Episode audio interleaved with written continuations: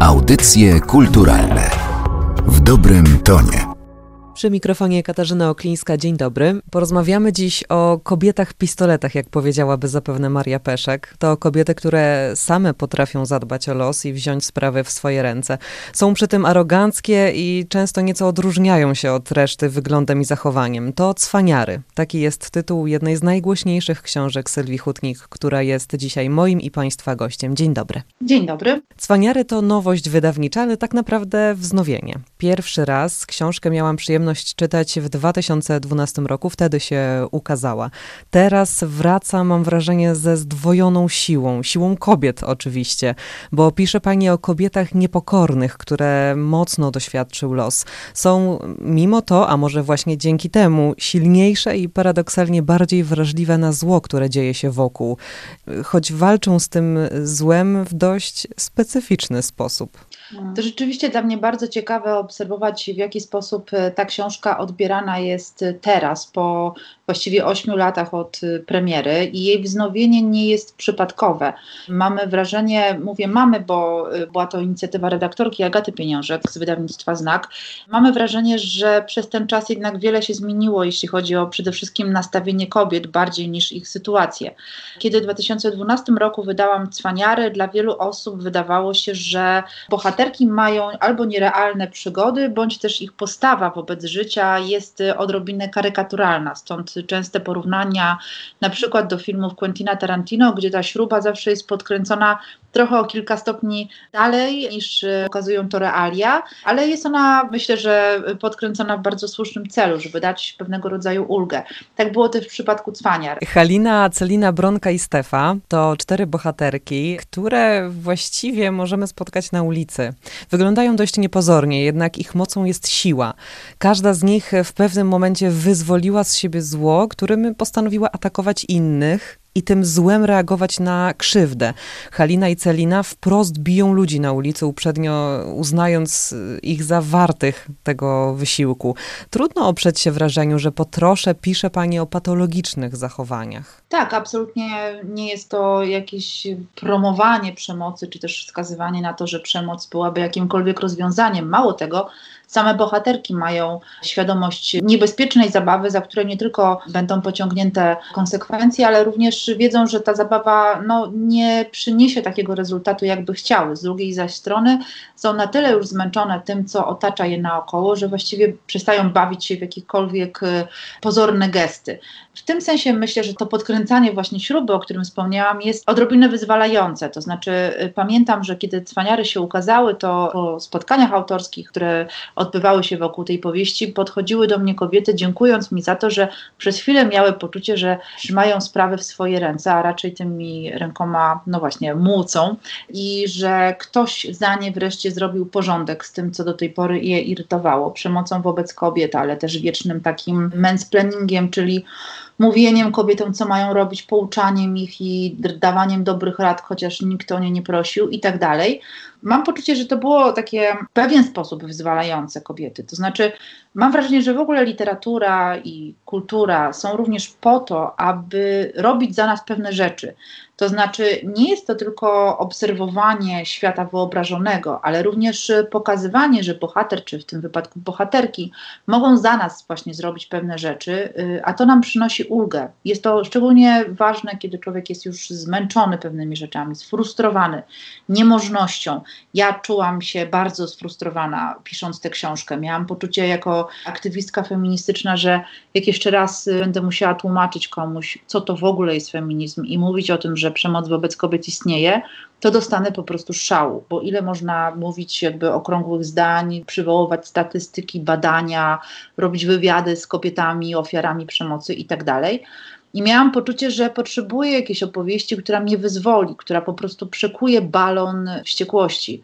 I bohaterki Cwaniar doskonale radzą sobie z tym, czym nie radzimy my sobie, ponieważ wiemy, że pewnych metod wybierać nie wolno. Porozmawiajmy trochę o sposobie narracji, który pani zastosowała. Musimy tutaj dodać, że Halina jest w zaawansowanej ciąży, mimo to świetnie radzi sobie z metalową pałką, rozprawiając się z męskimi szowinistami.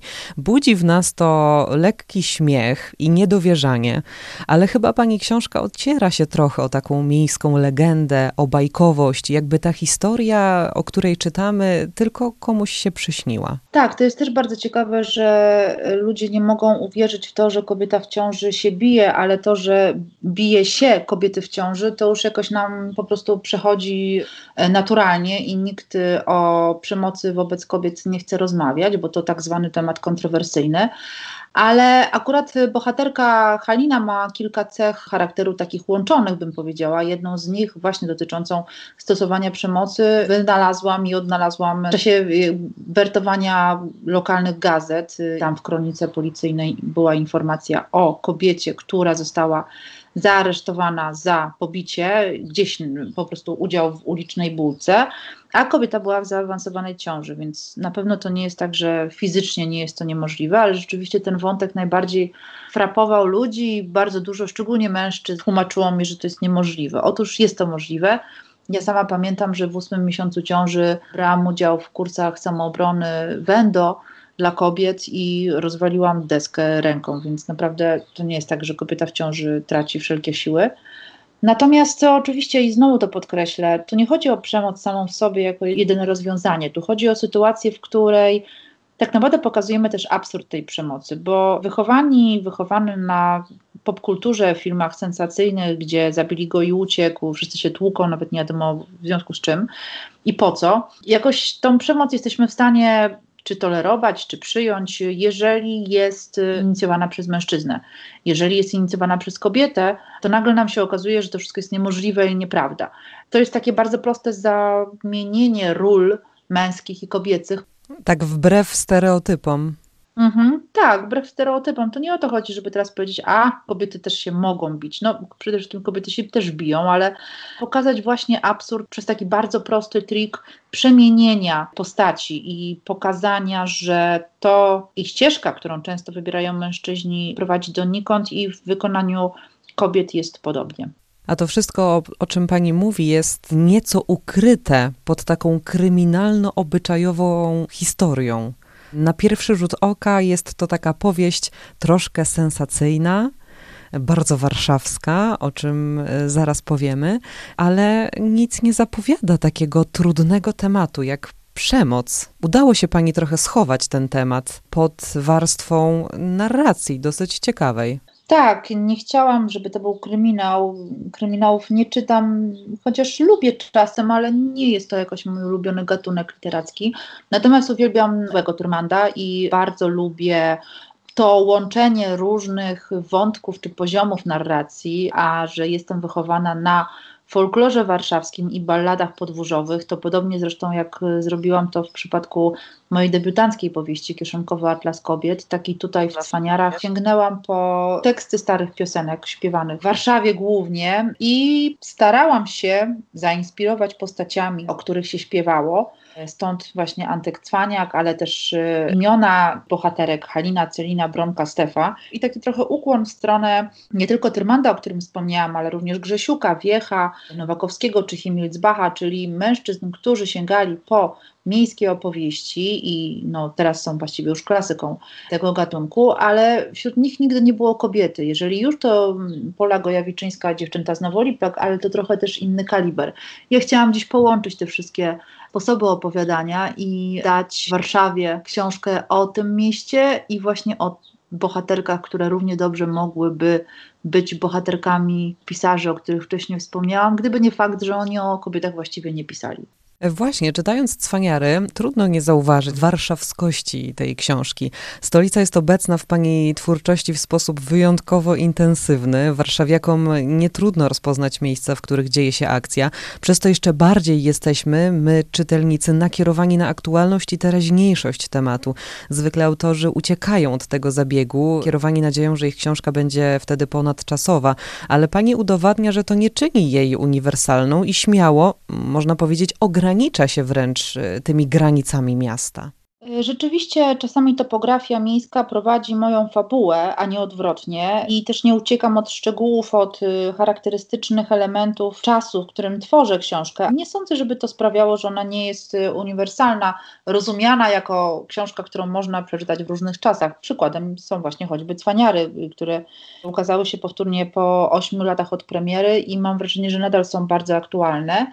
Oczywiście w tym czasie się wiele zmieniło. Ja piszę o tak zwanej aferze deweloperskiej, zanim w ogóle ona została odkryta. Piszę po prostu o zmieniającym się krajobrazie architektonicznym i urbanistycznym miast w kontekście nowych budynków deweloperskich. Raptem 3 czy 4 lata później afera deweloperska w Warszawie o mały włos nie pozbawiłaby prezydentki Warszawy fotela. Te wszystkie tematy gdzieś pojawiły się u mnie dość wcześnie i pokazały, że no niestety, ale nadal są aktualne. Natomiast jeśli chodzi o same bohaterki, ich postawę życiową, ale też y, historię, która się kryje za ich niektórymi wyborami życiowymi, to wszystko sprawia, że gdzieś ta powieść nabiera zupełnie jakby takich ponadczasowych elementów y, i stąd może być nadal atrakcyjna również kilka lat po premierze. W tej książce porusza Pani, o czym już Pani wspomniała, problem nowego, które góruje nad starym. Mam na myśli wyburzanie starych budynków, aby postawić szklane domy, czyli apartamentowce i biurowce. Dość e, szybko rozprawiła się Pani z mitem Żeromskiego z przedwiośnia. Zdecydowanie te nowe, wspaniałe domy, które w Warszawie nazywamy apartamentowcami, oczywiście, chociaż czasem są to po prostu kawalerki. To wszystko miało sprawić, że klasa średnia miała poczuć się niczym na amerykańskim tarasie. Jeszcze chwila i by sobie zaczęli budować na nich baseny. Tymczasem okazało się, że po pierwsze nie tak łatwo zdobyć mieszkanie, a jeżeli już to trzeba żerować się potem na kredyt przez całe życie. A po drugie, za zdobywaniem gruntu stoją często bardzo szemrane interesy i niejasne sytuacje, w których oczywiście głównym bohaterem są pieniądze. I to pokazała właśnie tak zwana afera reprywatyzacyjna, ale nie tylko chodzi o tropienie sensacji, ale dla mnie przede wszystkim najważniejszy jest los ludzi. Stąd w Cwaniarach jest również przedstawiona postać Jolanty Brzeskiej, która została spalona w Lesie Kabackim. Była to bardzo aktywna działaczka ruchu lokatorskiego, który walczy o prawa właśnie lokatorów i twierdząc y, bardzo prostym hasłem, ale myślę takim, które w dużej mierze właśnie mówi dokładnie o, o co chodzi w ruchu lokatorskim, że mieszkanie powinno być prawem każdego człowieka, a nie kolejnym towarem, który trzeba zdobywać i zdobędą go tylko ci, których na to stać. Ten wątek jest tutaj również dla mnie bardzo ważny. Musimy powiedzieć jeszcze o jednej sprawie związanej z cwaniarami. W kwietniu w warszawskim Teatrze Polonia miała odbyć się premiera przedstawienia o tym samym tytule, opartym a jakże na pani książce. Reżyserką jest Agnieszka Glińska, a w główne role wcielają się Małgorzata Biela, Irena Melcer, Weronika Nockowska i Anna Smołowik.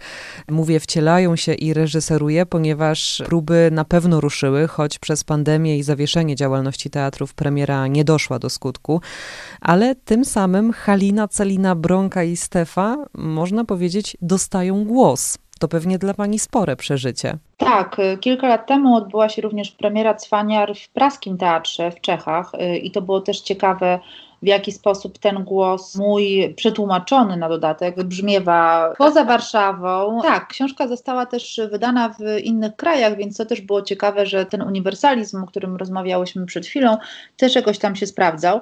Natomiast oczywiście bardzo się cieszę, że to Teatr Polonia z Krystyną Jantą, która była jedną z inicjatorek czarnego protestu, więc no właściwie gdzie jak nie tam ta książka powinna mieć swoją adaptację teatralną.